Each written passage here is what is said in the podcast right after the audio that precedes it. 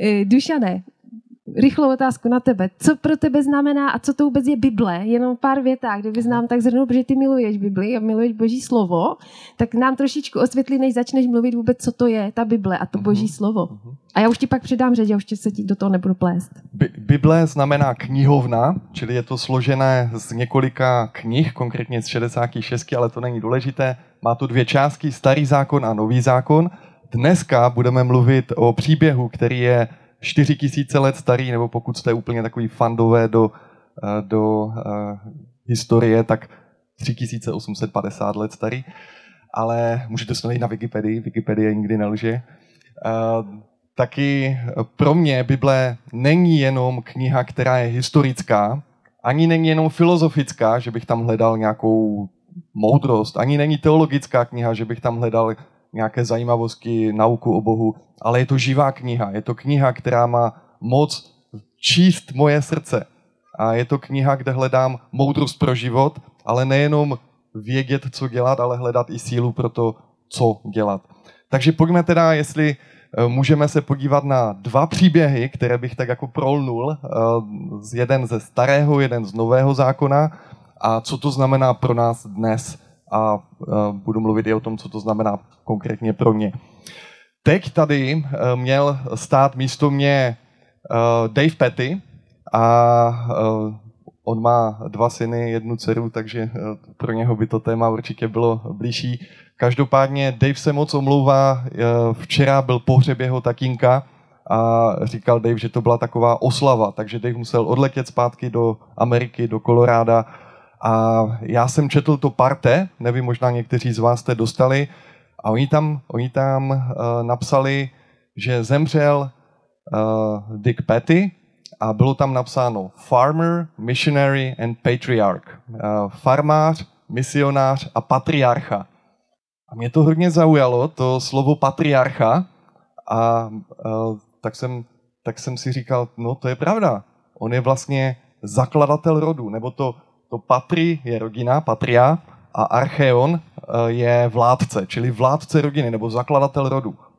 První podmínkou pro to založit rod je mít syny, takže já nikdy patriarcha asi nebudu. E, nicméně o jednom patriarchovi a o tom patriarchovi s velkým P a o patriarchovi, kterého považují za zakladatele svého rodu židé i arabové, takže velký, velmi významný patriarcha, tak se jmenoval Abraham. A my teď máme takovou sérii v našem sboru, kdy každou neděli si říkáme nějaké příběhy z první knihy v Biblii, která se jmenuje Genesis. A minule jsme mluvili o tom, jak Abraham dostal zaslíbení, že se z jeho potomků budou velké národy. A e, jemu bylo už 90 let, e, Sára měla 100 let a e, pořád ještě toho potomka neměli.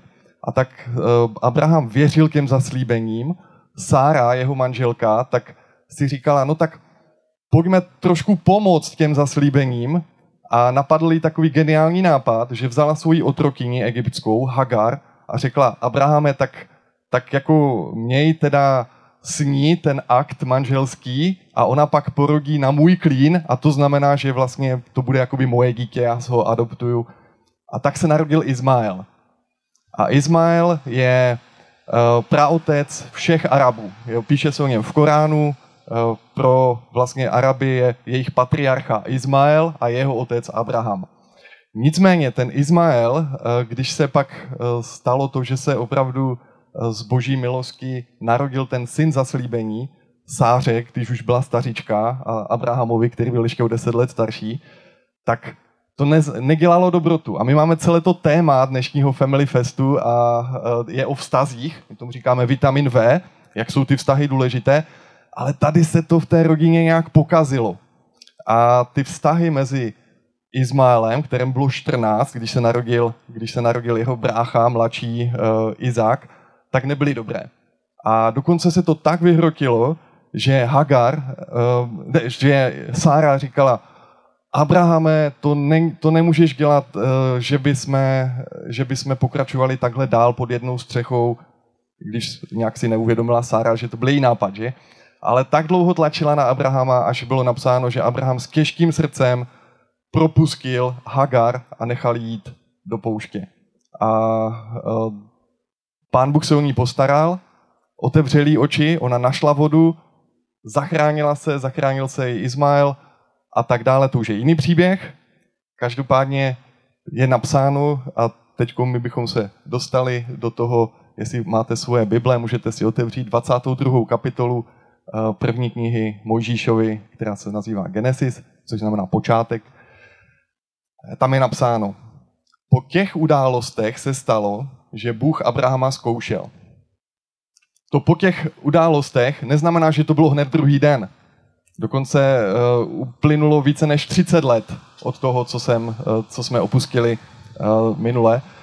Každopádně je tady napsáno, že Bůh Abrahama zkoušel a řekl mu, Abrahame, vezmi svého syna, svého jediného, jehož miluješ, Izáka a jdi do země Moria.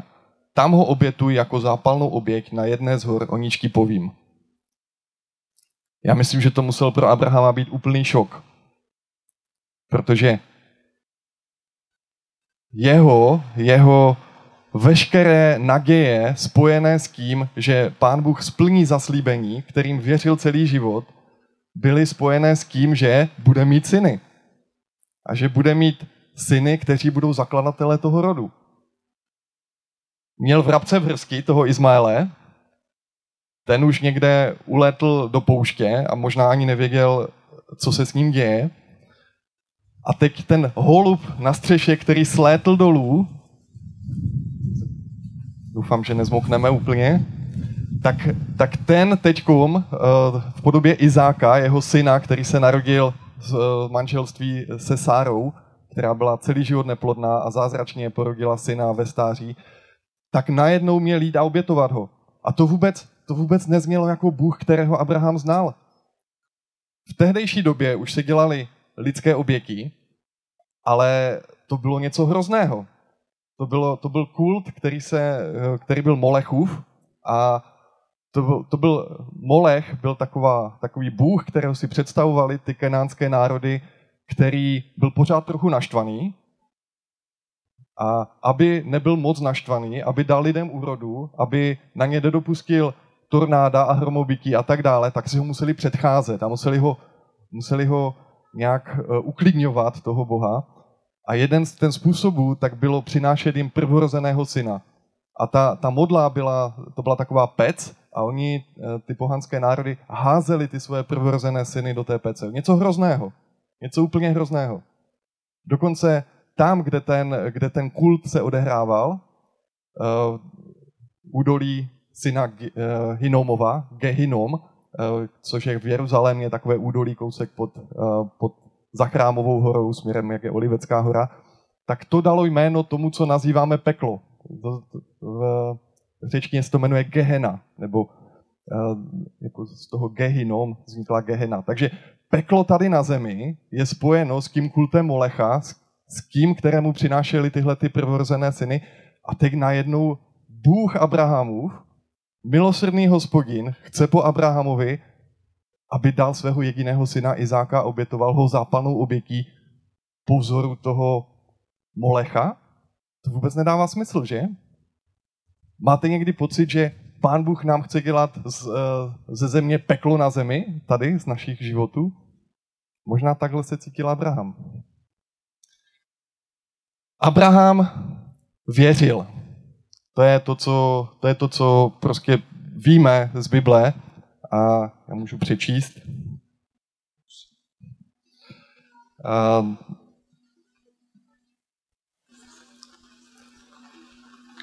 kdy je napsáno, že um, aha, ještě jsem si vzpomněl na jednu věc, jsem tady dal do poznámky. Mě hrozně oslovilo to, co včera Aleš Juchelka, eh, jestli jste tady byli, tak v té talk show s Božou, co zmiňoval, kdy říkal, že, že pán Bůh, eh, když dopustil, když dopustil to, že na jejich syna přišla nevylečitelná nemoc a že ten jejich syn nakonec zemřel v deseti letech, jaké to muselo být hrozné pro Aleše, jaké to muselo být hrozné pro tu rodinu, ztratit syna a přesto, přesto všechno Abraham tady vidíme, že Bohu důvěřoval. On začal jednat ve víře.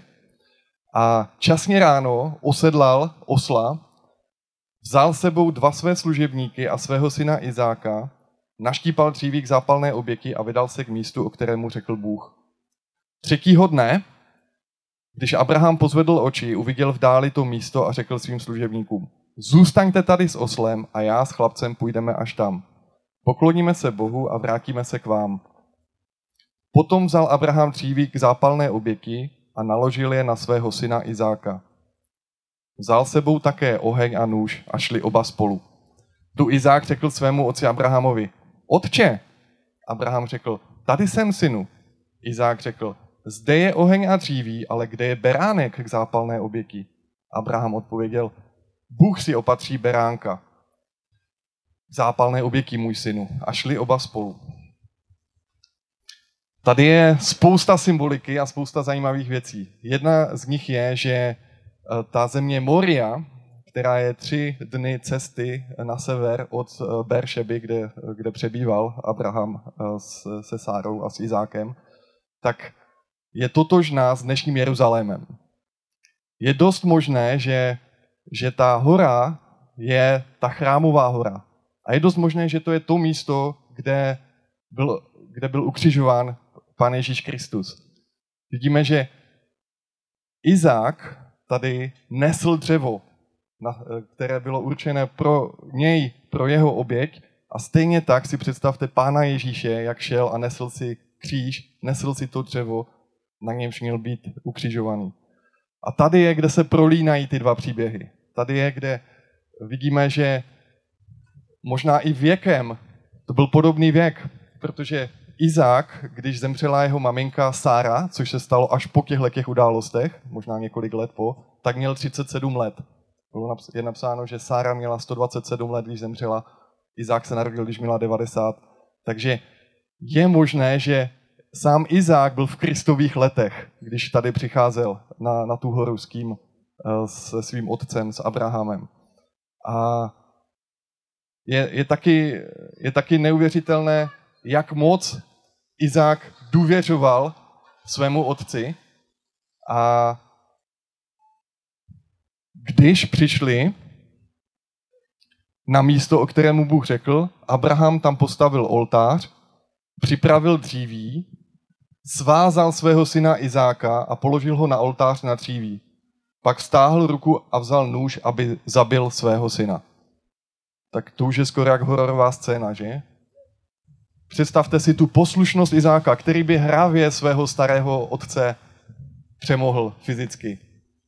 Ale podstoupil to, protože jak Abraham věřil svému otci v nebi, jak věřil hospodinu, tak věřil Izák svému, od, svému otci pozemskému Abrahamovi a stejně tak pán Ježíš na kříži věřil, věřil svému otci. A teď si představte mě hodně uh, to vysvětlení je v Novém zákoně v listě Židům, kde je napsáno, že Abraham věřil a proto šel obětovat Izáka.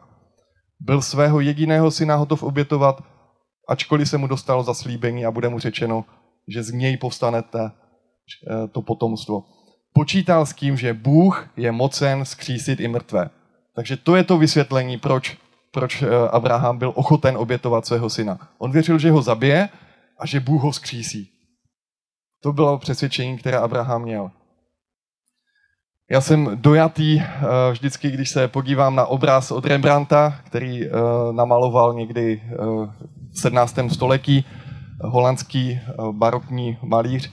A tady vidíte, tady je znázorněn Izák a, a ta hluboká symbolika toho, jak, jak mu Abraham zakrývá tvář a jak zvedá ten nůž. A teď ve starém zákoně je, že pán Bůh pošle anděla, který zastaví, že hospodinův hlas zastaví Abrahama a řekne, Abrahame, ne, já vidím, že ty jsi byl ochoten to udělat a ta tvá víra je něco, co ti počítám za spravedlnost. Nemusíš to vykonat.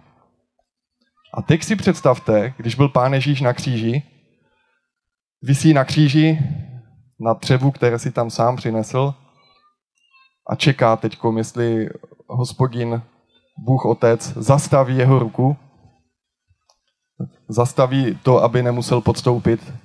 A víte, jaká byla Ježíšova poslední slova na kříži? Říkal, Eli, Eli, lama sabachtani.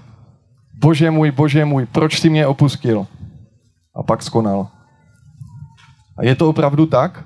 Opustil, opustil hospodin, opustil Bůh Otec svého syna na kříži, nechal ho tam jen tak na pospas.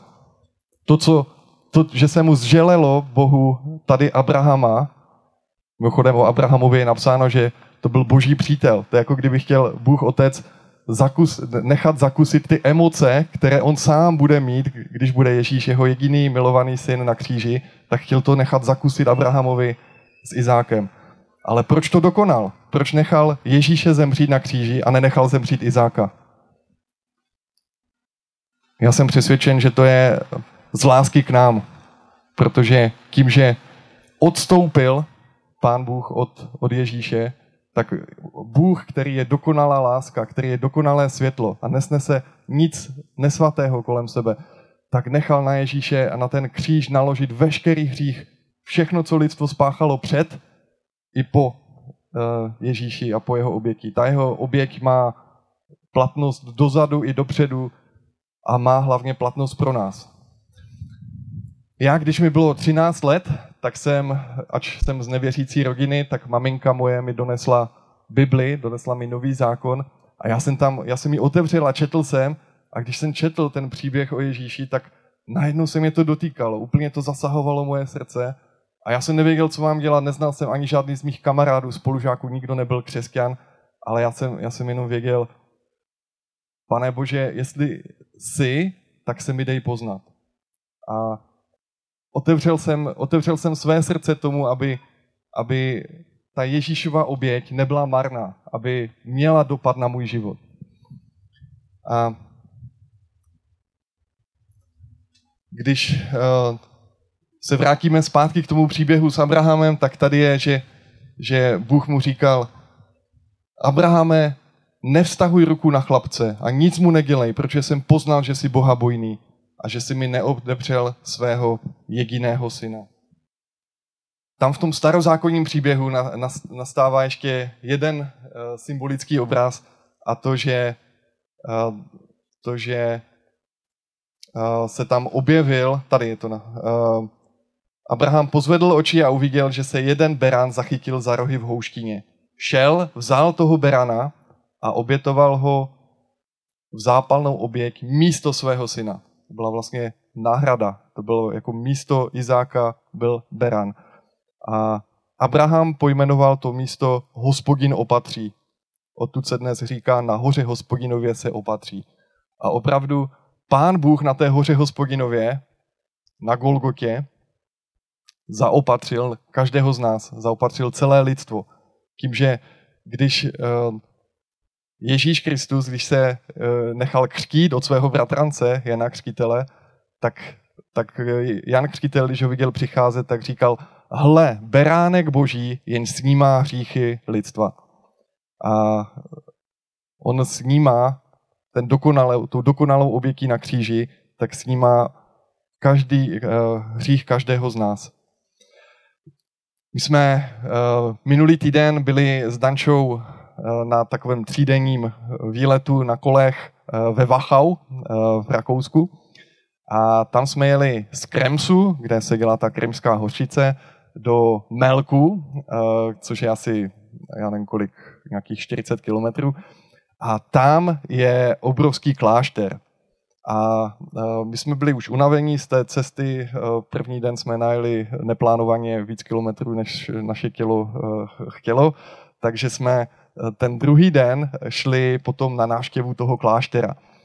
A oni tam v tom klášteře, takhle vypadá ten klášter v tom Melku, velmi doporučuji tam zajít, je to, je to velmi starý klášter ze já nevím, 13. století, možná ještě dřív a, a patří benediktínům a mají tam takovou zajímavost, mají tam nejstarší dřevěný kříž v Evropě. Je více než 800 let starý, Tohle to je uh, ta fotka toho kříže uh, a zajímavé je, že se dochoval, se jako v báječném stavu je z, lí, z lipového dřeva, takže tady, jak sedíme pod lípou, tak z podobného stromu eh, byl vyřezán ten kříž a ta postava Ježíše. A vedle je taková cedulka v Němčině a v angličtině a já jsem si ji obsal, protože mě to hodně zaujalo, to, co tam ti benediktíni, eh, pardon, karmelitáni eh, psali, takže pokud, eh, pokud tady mám pozdrav od karmelitánu z Melku, tak můžu takový neumělý překlad. Žijeme ve světě plném vzestupů a pádů, plném úspěchů a neúspěchů naší osobní existence a neustále se měnících okolností. Žijeme na tomto světě od narození do smrti. A mezi těmito mezníky je náš život se svými radostmi a trápením, úspěchy a zklamáním, láskou a nenávistí, všemi počátky a konci. Kdysi žil na zemi muž, který se narodil jako my a stejným způsobem zažíval úspěchy a zklamání jako my. Boží syn Ježíš Kristus. Skrze něj jsme poznali, že tento pozemský život není vším. Ačkoliv zemřeme, budeme vzkříšeni k novému životu. Jeho oběť na kříži odhalila boží lásku k lidem. Ježíš přišel na zem proto, aby jsme měli život a měli jsme ho v plnosti.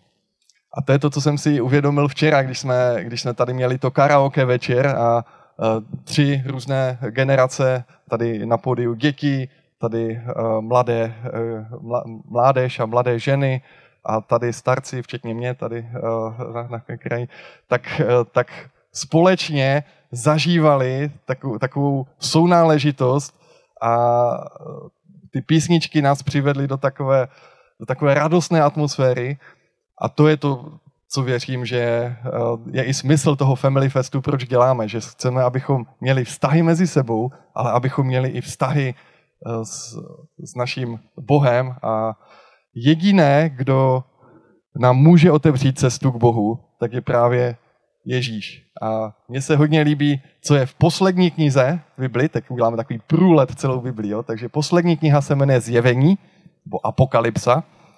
A tam ve třetí kapitole je, je napsáno, že Ježíš říká, hle, já stojím u dveří a tluču.